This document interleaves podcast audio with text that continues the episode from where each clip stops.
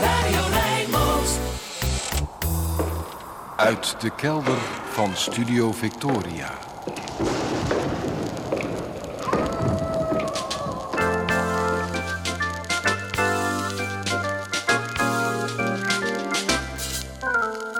Archief Rijnmond.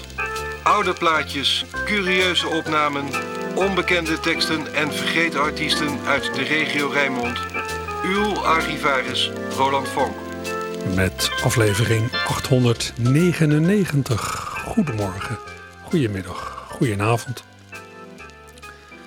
Afgelopen week heb ik gezocht naar een beeldspraak om mijn boosheid mee te beschrijven. Ik heb gezocht naar woorden om, om mijn woede mee duidelijk te maken. Woede over de bezorging van een nieuwe tv. Een paar weken geleden stootte ik bij het stofzuigen onze tv. Scherm viel aan gruzelementen. Repareren had geen zin. Dus ja, als trouwlid van een verkwistende consumptiemaatschappij bestelde ik ergens afgelopen week dan maar een nieuwe tv. Die de volgende dag al zou worden bezorgd tussen half twee en half vier. Wat goed uitkwam, want dan waren mijn vrouw en ik toch thuis met de hond. Maar wat er die middag ook arriveerde, geen tv. Wel vond ik rond een uur of vier bij de post een briefje dat de postbode niemand thuis had getroffen en bij de buren een pakje voor mij had achtergelaten. Nou ja, kon dit? We waren gewoon thuis geweest met de hond, die ja, vrij goede oren heeft. Had de postbode niet aangebeld. En ik heb toch een mededeling bij de voordeur hangen dat, ja, dat pakjes bij geen gehoor altijd naar de schoenmaker aan de overkant kunnen. Wat een klojo's. Die tv bezorgd bij de buren. Ja, de buren aan de andere kant. Dat was geen probleem geweest. Die kennen we redelijk. Maar deze lui. Oh, oh, oh. Aan dat huis waar onze tv nu vermoedelijk lag. Ja, daar kleeft iets ongeregeld. Voor mijn gevoel zijn er steeds nieuwe huurders. Vaak jongens alleen. Ieder ogenblik staat de voordeur open. De politie heb ik er herhaaldelijk gezien. Er is ook al eens een wietplantage opgerold. Op een van die etages woont nu alweer een tijdje een donkere jongen die me wel oké lijkt, maar verder. Nou, eerst maar eens bij de schoenmaker informeren of onze tv niet toch daar was aangeboden. Ja, dus. Maar de schoenmaker had het pakket geweigerd. Hij had niet begrepen dat het voor ons was. Hij, was een, had in de veronderstellingen verkeerd dat de postbode bij onze buren moest zijn. En ja, om voor een bewoner van zo'n schimmig pand een tv aan te nemen. De schoenmaker had er, begrijpelijk, voor bedankt. En toen was de postbode dus precies naar die buren gelopen. Nou, daar maar eens aanbellen dan, met het briefje in de hand. Een, denk ik, Afrikaanse jongen meldde zich hangend uit het raam met de mededeling dat hij geen pakket had gezien. Op de gang stond ook niks en de bovenbuurman was er niet. Ik probeerde mijn getergdheid niet al te zeer te ventileren, ook al voelde ik van binnen iets aan de koker raken. Toonloos zei ik dat ik later wel zou terugkomen. Eenmaal thuis zocht ik op de computer een contactmogelijkheid op van de bezorgende instantie. Die ging eens een enorm kwaaie mail schrijven. Wat een ongelofelijke sukkels waren dat zeg. Maar voordat ik daarmee was opgeschoten hoorde ik onze tweede voordeur bellen. We hebben twee voordeuren.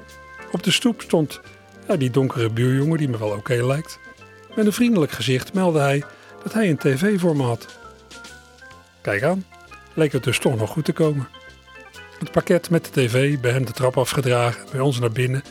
Daar de boel meteen uitgepakt en aangesloten. En niks. De tv deed niks. Ook dat nog. Mijn vrouw wilde met een staande schemerlamp wat bijschijnen, maar die lamp gaf ook geen sjoegen dan, ja, dan zou er wel iets met de stroom zijn. Inderdaad, een blik in de gangkast leerde dat de hendel bij een van de elektriciteitsgroepen op uit stond. Toen mijn vrouw de hendel overhaalde, hadden we weer stroom in de huiskamer en vloepte de tv aan. Ook in mijn hoofd ging nu een lichtje branden. Ik had die morgen iets in de gangkast gezocht en daarmee natuurlijk tegen dat ene hendeltje gestoten. Daardoor was ook de stroom van de bovenbel uitgegaan en hadden we de postbode niet horen aanbellen. En omdat ik ervan was uitgegaan dat de postbode gewoon bij ons terecht kon, had ik de schoenmaker niet voorbereid op de komst van een pakket. De postbode viel weinig te verwijten. Het was vooral een keten geweest van, nou, van een onhandigheidje, een paar misverstanden en ja, misschien wel een vooroordeel. Maar de adrenaline zat nog in mijn lijf. Hoe het verloop van mijn boosheid te omschrijven? Wat is een treffende beeldspraak? Zakte die boosheid als een doorgeprikte soufflé in elkaar, nu er wel beschouwd niks aan de hand was en ik niemand ergens de schuld van kon geven? Ja, was het maar zo. Sommige mensen worden makkelijk boos en raken hun boosheid ook net zo makkelijk weer kwijt, alsof ze, alsof ze een wasbakje vullen met water en er de stop uittrekken, zo vol, zo leeg. Bij mij werkt boosheid als een badkuip. Een badkuip gevuld met stroop. Nadat je de stop eruit hebt getrokken, loopt de boel maar heel langzaam leeg. Een paar dagen later kreeg ik een mail van de post om een oordeel te geven over de bezorging. Zo'n mail waarmee ze de kwaliteit willen bewaken. Een tevredenheidsonderzoekje. Wat ging ik invullen? Ja, niks. Het verhaal dat door mijn hoofd ging, leek me veel te lang.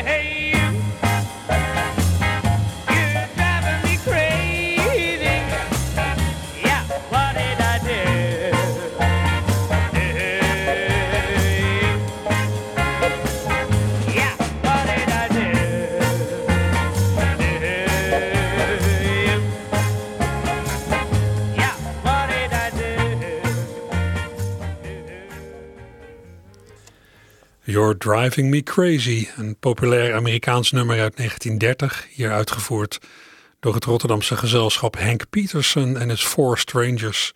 Ik draai dit van het singeltje uit 1964. Ja, je zou kunnen zeggen dat zo'n nummer, You're Driving Me Crazy, dat het bestaat uit een nou, niet al te ingewikkelde tekst en een nou, ook niet al te ingewikkelde muziek. Het is aanzienlijk meer dan drie akkoorden, maar het is ook geen Rachmaninoff of zo. Maakt dat wat uit voor je waardering van een liedje? Het aantal akkoorden waaruit de begeleiding bestaat? Dat is geen gekke vraag. Persoonlijk ben ik nogal gevoelig voor mooie en minder voor de hand liggende harmonieën. Voor het soort harmonieën dat je, ja, van die listige harmonieën die je bijvoorbeeld tegenkomt in allerlei Braziliaanse muziek van grootheden als Jobim, Javan, Chico Buarque, Caetano Veloso. Dat mag ik allemaal graag horen. Maar ja, met maar drie akkoorden kun je een treffende tekst natuurlijk ook heel goed tot zijn recht laten komen. Of misschien, ja, misschien wel beter. Is daar iets zinnigs over te zeggen? Nou, afgelopen week hebben cabaretiers en muzikanten Mike Baudet en Jeroen van Merwijk een poging ondernomen in het alleraardigste tv-programma Podium Witteman. En dat naar aanleiding van een verhaal van Mike in de krant dat muziek pas lekker wordt als die uit meer dan drie akkoorden bestaat.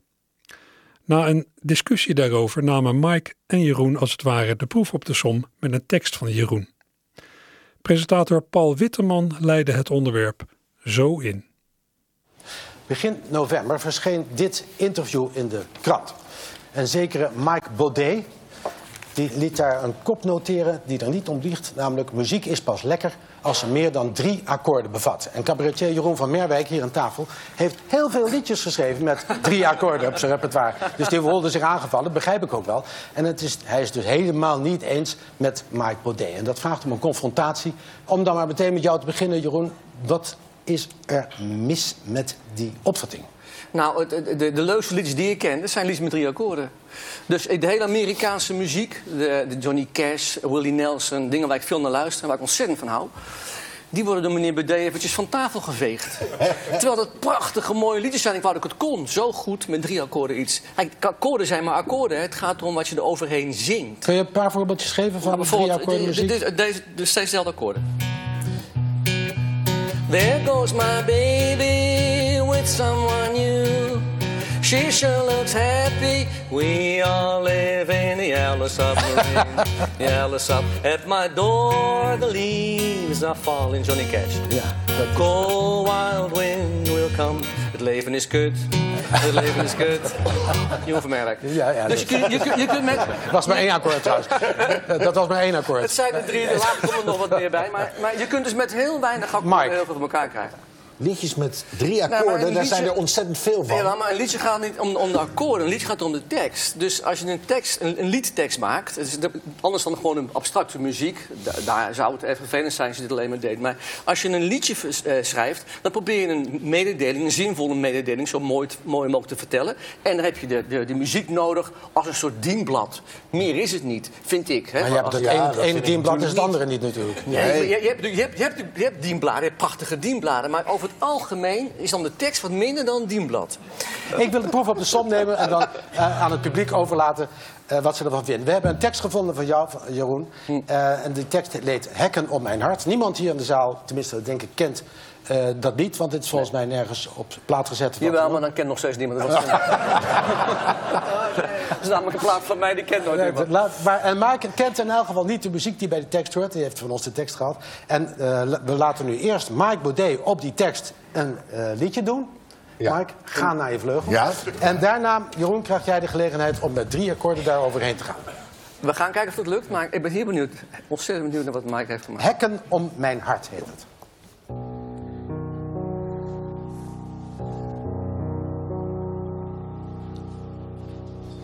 Vroeger, als ik was verwond, het leven mij weer had verward.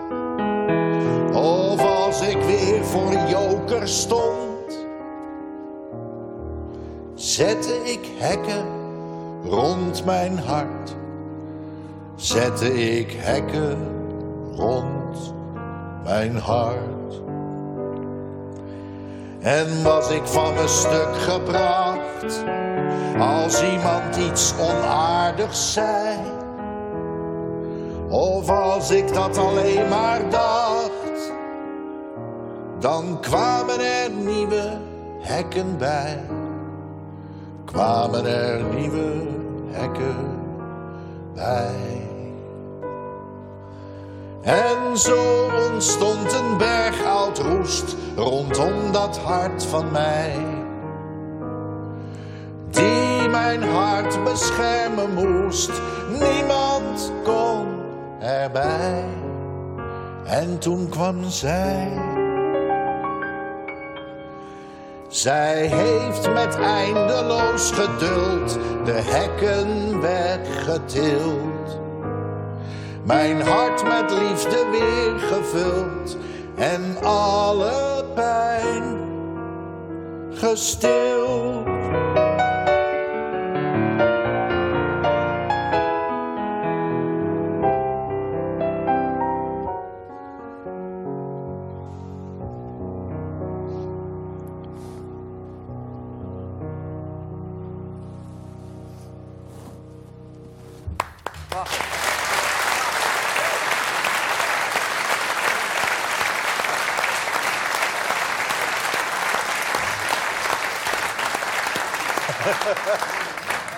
Daar kom ik denk ik niet overheen. Dat, ge- ge- geef ik meteen toe.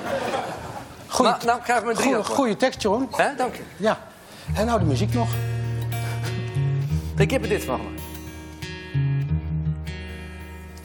Vroeger, als ik was verwond, het leven mij weer had verward. Of als ik weer voor joker stond, zette ik hekken om mijn hart. En was ik van mijn stuk gebracht, als iemand iets onaardigs zei. Of als ik dat alleen maar dacht, kwamen er nieuwe hekken bij. En zo ontstond een berg oud roest rondom dat hart van mij, die mijn hart beschermen moest. Niemand kon erbij. En toen kwam zij. Zij heeft met eindeloos geduld de hekken weggetild. Mijn hart met liefde weer gevuld en alle pijn gestild. Ja, zo komt de tekst wel heel goed over. Ja, ja.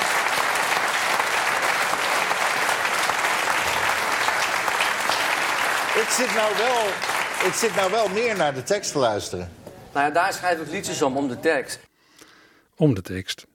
Mike Baudet en Jeroen van Merwijk afgelopen week in het tv-programma Podium Witteman. Mooi experiment. Sowieso een erg leuk televisieprogramma. En ik borduur graag voort op die discussie, op die gedachte, met een eh, liedje van Koos Speenhoff van meer dan 100 jaar geleden. Als er iemand weinig akkoorden gebruikte in zijn liedjes, dan was het Speenhoff wel. Maar het deed weinig af aan de zeggingskracht van zijn teksten. Of ja, misschien vormde die eenvoudige muziek juist wel het meest doeltreffende, eenvoudige dienblad voor zijn teksten. We gaan even terug naar 1906. Een fragmentje van Koos Speenhoff met zijn lied over twee zoete gelieven, twee jonge geliefden, die samen een groentewinkeltje beginnen waar maar geen klanten willen komen. Ja, uiteindelijk komt er een klant, de eerste klant, zo heet het nummer ook. De eerste klant, dat is een meisje, die komt niks kopen. Die komt alleen maar een tientje wisselen.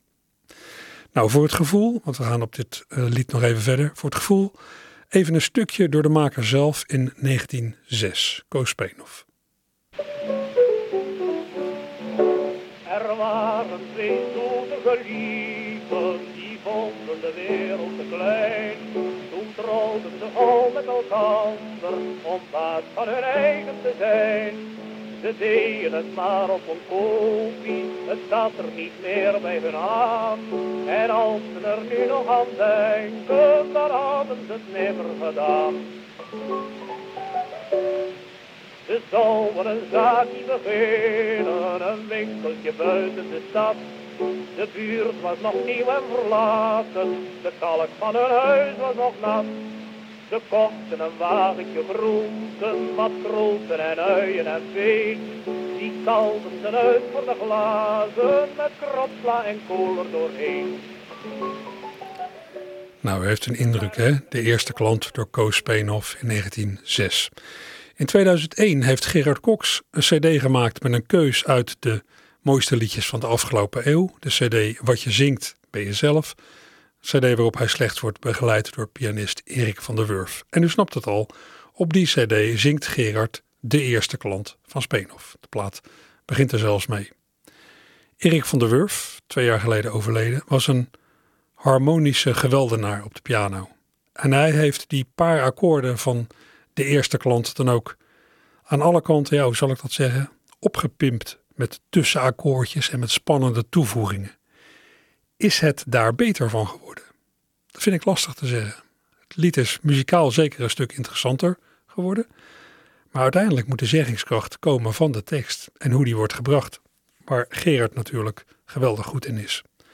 Leidt die muziek, die ja, betere muziek, af? Of vormt die juist een beter dienblad voor een aangrijpende tekst? Luister zelf.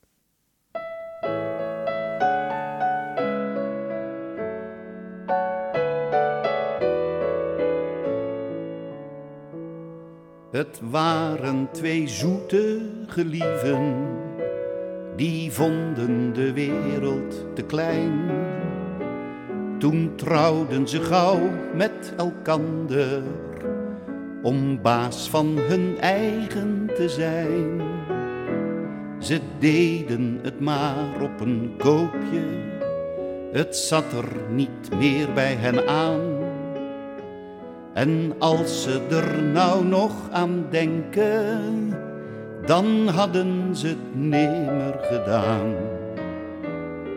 Ze zouden een zaakje beginnen, een winkeltje buiten de stad. De buurt was nog nieuw en verlaten, de kalk van hun huis was nog nat. Ze kochten een wagentje groente, wat bieten, wat uien en peen. Dat stalden ze uit voor de glazen, met kropsla en koler doorheen. Ze werkten, ze plasten, ze stoeiden, ze zoemden elkander zo teer. De vloeren die blonken als spiegels, ze boenden hun rug erop zeer. Het vrouwtje zat achter de toonbank, ze prijsde de mandjes met fruit. De man nam een kijkje van buiten en lachte haar toe door de ruit. Zo leefden ze enige dagen, maar niemand had trek in hun sla. Geen mens kwam de winkel eens binnen, er was nog geen cent in de la. En toen ze geen stuiver verdienden, ondanks hun gewerk en getoop, toen aten ze maar van de honger hun uien en bloemkolen op. En toen ze geen groente meer hadden, geen bieten, geen uien, geen peen. En toen ze mekaar niet meer zoenden, zoals ze dat deden voorheen. Toen kwam er een meisje naar binnen, een briefje van tien in haar hand. Die vroeg of de baas dat kon wisselen. En dat was hun enigste klant.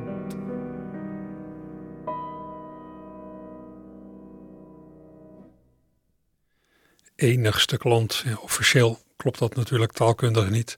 Het moet zijn enige klant, maar Speenhof zal dat vast bewust zo hebben geschreven. Ik denk om het eenvoudige milieu te benadrukken waarin deze tragische geschiedenis speelt. De geschiedenis van de eerste klant.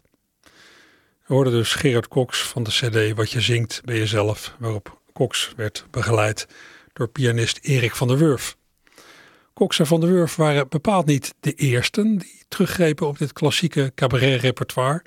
In de loop der jaren zijn er allerlei van dit soort projecten geweest. Zo is in 1965 een fraaie LP verschenen waarop allerlei bekende artiesten van toen een min of meer cabaret-klassieker uitvoerden. Titel van de LP Blijvend Applaus. Nou, het is ook een prijs naar genoemd, hè? Blijvend Applaus. Wim Sonneveld deed op die LP ja, de eerste klant van Speenhof met begeleiding van groot orkest. Die ga ik ook draaien, integraal, dus ik krijg het hele verhaal nog een keer met daarbij de vraag, ja, zo'n groot orkest, leidt dat nog meer af van de tekst? Of ja, vormt dat juist een magistraal dienblad voor de, ja, voor de betekenis, voor de inhoud van het verhaal van de eerste klant? Nou, luister zelf.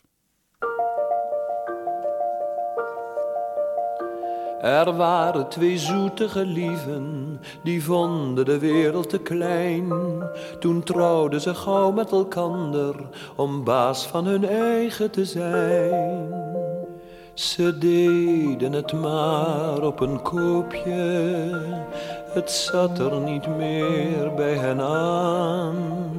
En als ze er nu nog aan denken, dan hadden ze het nimmer gedaan.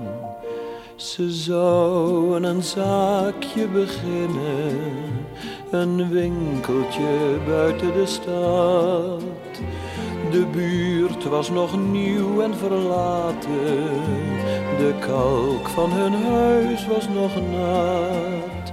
Ze kochten een wagentje groenten wat kroten, wat uien en peen. Die stalden ze uit voor de glazen, met kropsla en kool doorheen. Ze werkten en plasten en stoeiden, ze zoenden elkander zo teer. De vloeren die blonken als spiegels, ze boenden hun rug erop zeer. Het vrouwtje zat achter de toonbank, ze prijsde de mandjes met fruit. De man nam een kijkje van buiten en lachte haar toe door de ruit. Zo leefde ze enige dagen, maar niemand had trek in hun sla. Geen mens kwam de winkel eens binnen, er was nog geen cent in de la. En toen ze geen stuiver verdiende, ondanks hun gewerk en getop, toen aten ze maar van de honger hun uien en bloemkolen op. En toen ze geen groente meer hadden, geen bieten, geen uien, geen peen. En toen ze elkaar niet meer zoenden, zoals ze dat deden voorheen. Toen kwam er een meisje naar binnen, een briefje van tien in haar hand. Die vroeg of de baas dat kon wisselen. En dat was hun enigste klant.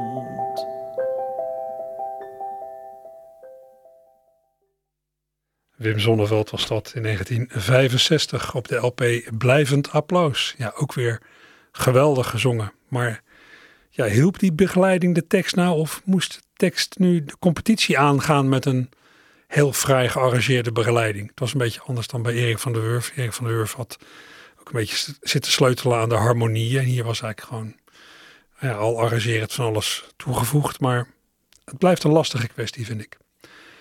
Twee weken geleden heb ik iets gedraaid dat Willem Wilmink hier als een soort reactie op maakte op die uitvoering van de eerste klant door Wim Sonneveld op die LP Blijvend Applaus. En ja, dat ding van Willem Wilmink ga ik nog een keer draaien, ook al heb ik het een paar weken geleden dus al een keer gedaan. Het komt uit een onlangs verschenen zeer fraai luisterboek rond tekstschrijver Willem Wilmink. Visite uit de hemel heet het. Willem Wilmink gebruikte de muziek van de eerste klant voor een eigen tekst over twee jonge gelieven die nou niet een winkeltje gaan beginnen, maar die op zoek zijn naar een eigen woning. Een jongen en een meisje in tijden van woningnood.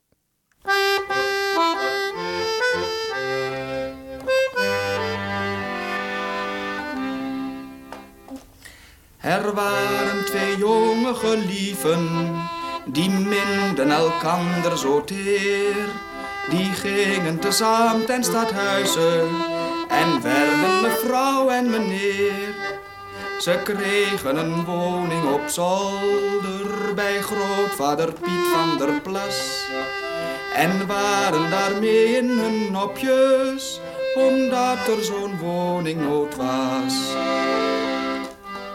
En als ze daar zoenden en stoeiden, keek opa op grootvaders klok.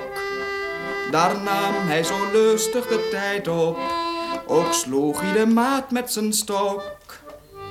en maakten de jonge gelieven een uiterst erotisch geluid. Trok opa zich op aan de dakgoot en lachte ze toe door de ruit. Dat grootvader zo alle dagen een blijk van belangstelling gaf. De jongen die kon het niet schelen, maar de arme meid knapte af. Haar stem kreeg een ranzige bijklank, haar ogen die kregen iets grauws. Totdat ze tenslotte kapot ging, aan opa's een blijvend applaus. Willem Wilmink in 1971 in het KRO radioprogramma Babel. Aardig, mooi ook die referentie aan het eind uh, aan de LP Blijvend Applaus, waarop Sonneveld dat lied zong, waarvan Wilmink de muziek leende, de eerste klant. En dit komt dus uit het onlangs verschenen luisterboek Visite uit de Hemel. Bij toeval kwam ik er afgelopen week achter dat dezezelfde tekst al in de jaren 60 door de eerder genoemde Erik van der Wurf van nieuwe muziek is voorzien. Het resultaat is te horen op de eerste LP van Herman van Veen in 1968. Herman van Veen die veel heeft samengewerkt met Erik van der Wurf. Dezelfde tekst dus, maar niet meer met de eenvoudige begeleiding van Speenhof, maar met wat ingewikkelde muziek van Erik van der Wurf.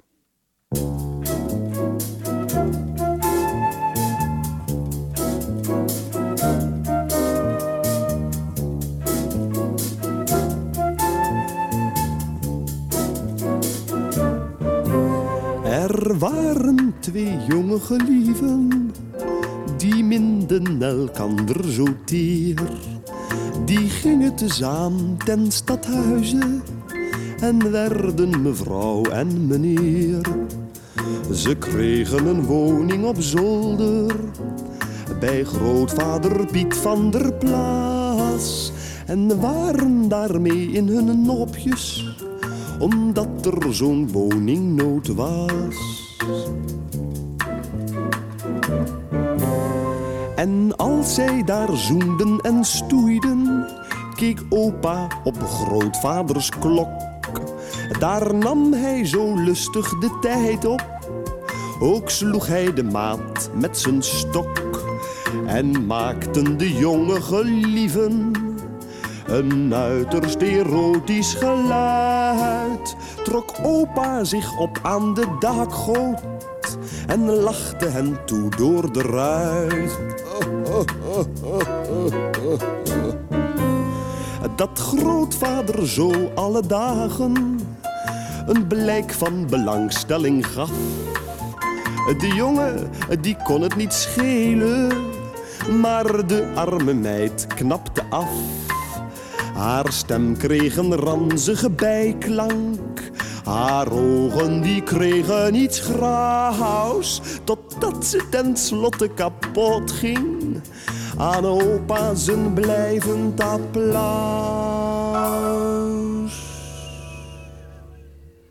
Ja, dat was het weer, dat blijvend applaus. Herman van Veen in 1968. Met dus diezelfde tekst van Willem Wilmink. Maar nu, nu niet op die muziek van Speenhof, die u nou al tot vervelens toe heeft gehoord, maar op veel ingewikkelder harmonieën van Erik van der Wurf. Een verbetering of niet? Ik vind het lastig te zeggen. Veel van de liedjes die mij het meest raken, ja, uit Brazilië of uit Nederland, bestaan uit aanzienlijk meer dan drie akkoorden. Maar eenvoudige muziek werkt soms het beste om een krachtige tekst over te brengen. Een protestlied bijvoorbeeld wordt in het algemeen niet beter van ingewikkelde harmonieën. Protest, ja, dat kun je het beste recht toe recht aanbrengen. Dat hebben de jongens van het Barendrechtse duo van Bezemwijk ook goed begrepen. Zij betreuren het oprecht dat het muziekprogramma Live uit Lloyd, hier op Radio Rijnmond, op de nominatie staat om te worden opgeofferd aan de op handen zijnde bezuinigingen. En het min of meer protestlied dat ze erover hebben gemaakt, telt maar een paar akkoorden. Live uit Lloyd, goede kans dat u het programma kent. Dat is het uh, muziekprogramma waar mijn collega Ronald van Oudheusden zijn hele ziel en zaligheid al jaren instopt. Het is door de week steeds te beluisteren, s'avonds tussen 10 en 11. De opnames zijn steeds smiddags. En in de loop der jaren is, ja, in die middagen is een enorme stoet aan Nederlandse en buitenlandse artiesten langs geweest om live in de studio te spelen. Vandaar de naam, hè? Live uit Lloyd. RTV Rijnmond zit in het zogeheten Lloyd-kwartier, Lloyd met dubbel L, aan de Lloydstraat. En Ronald, ja, die toen het programma begon en nog, die uh, verheugde zich nogal op de afkorting van zijn programma Live uit Lloyd, L-U-L, Lul. Zo heet het programma ook hier in de wandeling, Lul. In het begin had ik er een beetje mijn twijfels over of het op den duur wel leuk is, zo'n nou, wat puberale naam. Maar voor een protestlied is het een zegen. Ik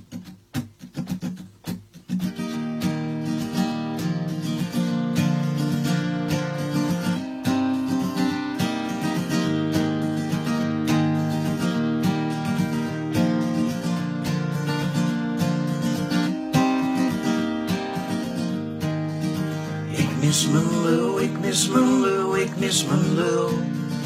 Ik mis mijn lul, ik mis mijn lul. Ik mis mijn lul, ik mis mijn lul, ik mis mijn lul. Ik mis mijn lul, ik mis mijn lul. Live uit Lloyd, je moet weg. En dat, dat doet ons pijn. Wie op RTV Rijnmond kan er toch zo'n goede lul zijn?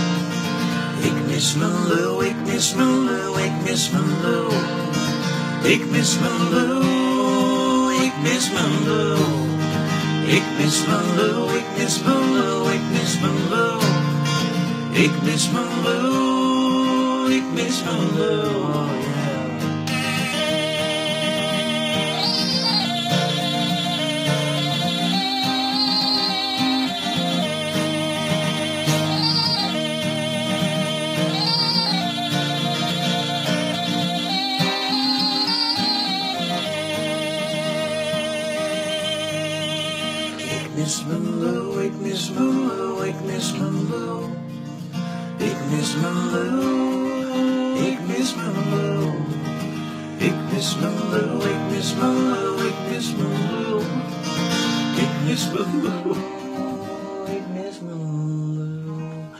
En men heeft geen flauw wat ze missen zonder zo'n fijne lul.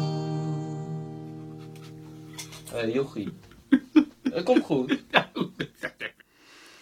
Je kan toch altijd weer nieuwe oliebollen bakken. Doe me een beetje denken aan uh, Wim Kan. Eh, ik mis mijn lul, ik mis live uit Lloyd. We hoorden het Barendrechtse duo van Bezemwijk.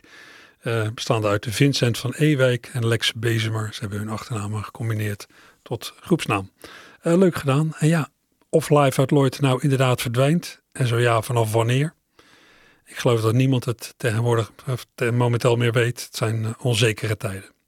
Hopelijk is er nog wat te redden en is er tegen de jaarwisseling voor alle Rijnmond-medewerkers voldoende duidelijkheid om zich helemaal te storten op de toekomst en om nieuwe goede voornemens te maken. En dan echt nieuwe.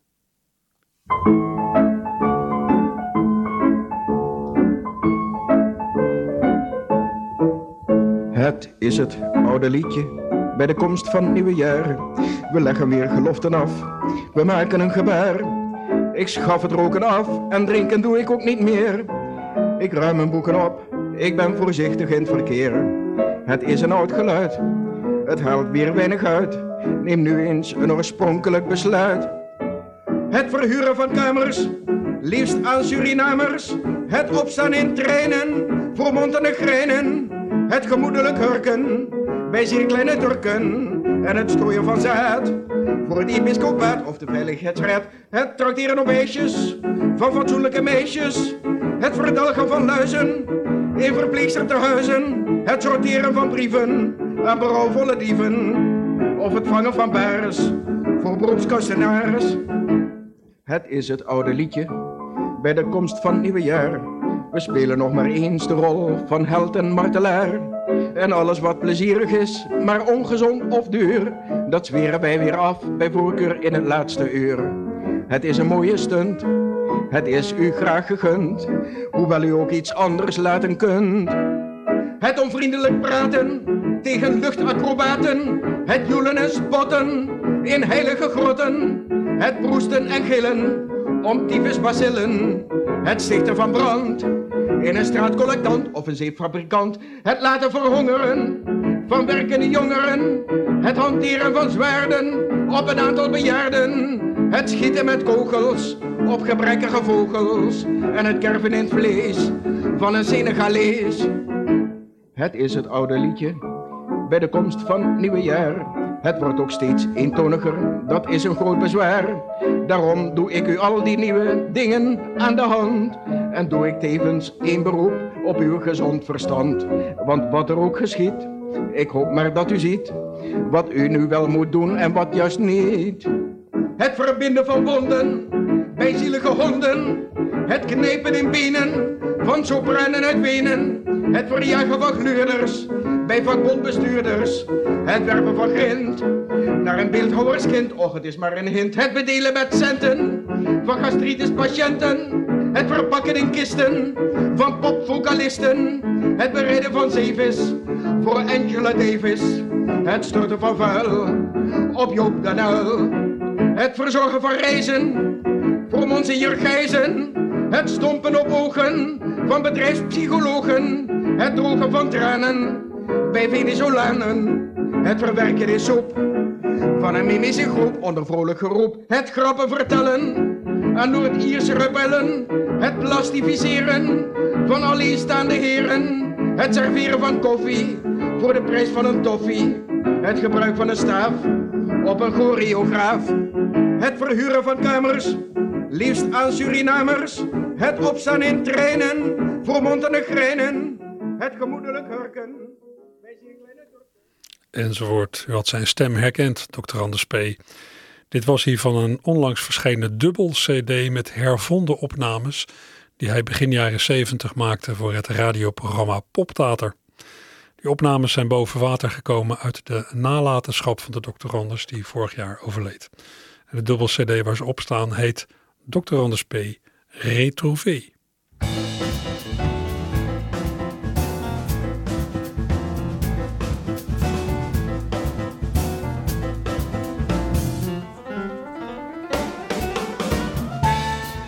Ja, ik heb nog wat tips voor waar u eh, vanmiddag, zondagmiddag naartoe kunt. In studio De Bakkerij aan de Bergweg in Rotterdam-Noord speelt theatergroep Lange Mannen vanaf half drie vanmiddag de kindertheatervoorstelling Meneer Bork zoekt een woord. In de Machinist aan de Willem Buitenwegstraat vindt u vanmiddag eh, drummer Joost Leijbaard met zijn trio Under the Surface. Een trio dat hij heeft met Bram Stadhouders, gitaar en elektronica en Sanne Rambachs zang. Dit eh, allemaal in de serie Jazz op zondag in de Machinist. Vanaf drie uur vanmiddag, entree gratis. In de Lauraskerk is vanmiddag een gratis toegankelijke orgelbespeling. Organist Cor Ardesh speelt werk van Bach vanaf drie uur. In de Centrale Bibliotheek, daar vlakbij, is ook vanaf drie uur weer een aflevering van het Poëziepodium Ongehoord. Dichters dragen voor het eigen werk, entree gratis. In diezelfde bibliotheek geeft Jet Steins ook vanaf drie uur een lezing over Astrid Lindgren. Dit in de serie Meesterwerken uit de Europese literatuur. Astrid Lindgren kent u als de schepper van Pippi Langkousen. Vanaf drie uur vanmiddag gratis in de, in de Biep. Ook vanaf drie uur vanmiddag is er een uitgebreid muziekprogramma in Het Witte Paard aan de Groene Zoom in Rotterdam-Vreewijk. Het min of meer gypsy trio Mood treedt op en diverse zangers en zangeressen. Vanaf drie uur is de muziek daar. Vanaf vier uur vanmiddag speelt de Dutch Swing College Band aan boord van het SS Rotterdam, het schip aan de kade van Katendrecht. In de kleine zaal van de Doelen speelt Paul van Soest vanaf vier uur vanmiddag de kerstvoorstelling De Man van Maria, een solovoorstelling met begeleiding van flamenco-gitarist Alessio Roders. Paul heeft het uh, druk vandaag, want als hij klaar is in de Doelen, kan hij spoorslags naar kantine Walhalla. In kantine Walhalla kunt u Kunt u namelijk vanavond naar de kerstvoorstelling Café de Kapenees met diezelfde Paul van Soest, met Loes Schepper en met allerlei buurtbewoners. Het is een voorstelling als een soort buurtsoap. Vanaf 7 uur vanavond in kantine Walhalla. Oh ja, en dan nog vanaf half vijf vanmiddag is er een bijzonder filmprogramma in Lantaarn Venster op de Kop van Zuid. In de serie Rotterdam Classics zijn vier films te zien van de Rotterdamse cineast Jan Schaper. Zijn bekende werk Stad zonder hart uit 1966, plus nog drie korte filmpjes. Al dit materiaal wordt uh, vertoond ter gelegenheid van het uitkomen van deze films op DVD. Eh, ja, mooi project vanmiddag. Nou, dat moet eh, het laatste zijn wat ik kan aankondigen. Tijd voor muziek heb ik ook niet meer echt. Ik kan u alleen nog wijzen dat eh, op de site van Radio Rijnmond de speellijst, alles wat ik heb gedraaid in dit uur, die zet ik er eh, ergens de komende dagen zet ik er eventjes op. En ik heb eh, laatst ook een eigen Facebookpagina aangemaakt voor Archief Rijnmond. Daar staat ook de speellijst op en een verwijzing naar de zogeheten podcast. Dan kunt u dit programma nog eens terugluisteren. Of ook opnemen en dan eh, voor, de, nou ja, ik zeggen, voor de eeuwigheid bewaren. Dat is misschien een beetje lang, maar in ieder geval voor zo lang als uw harde schijf strekt. Dit was het archief. Geen opkamertje vandaag. Eh, vandaag eh, neemt de sport het over. Net als volgende week trouwens. Maar volgende week is er wel weer een archief. Veel plezier zometeen. Volgende week. En waar ook. Jo. U hoorde Archief Rijnmond met Roland Vonk. Heeft u thuis bijzondere muziek of teksten liggen? Bel naar Radio Rijnmond. Telefoonnummer 010 436 44 36. In het archief mag niets ontbreken.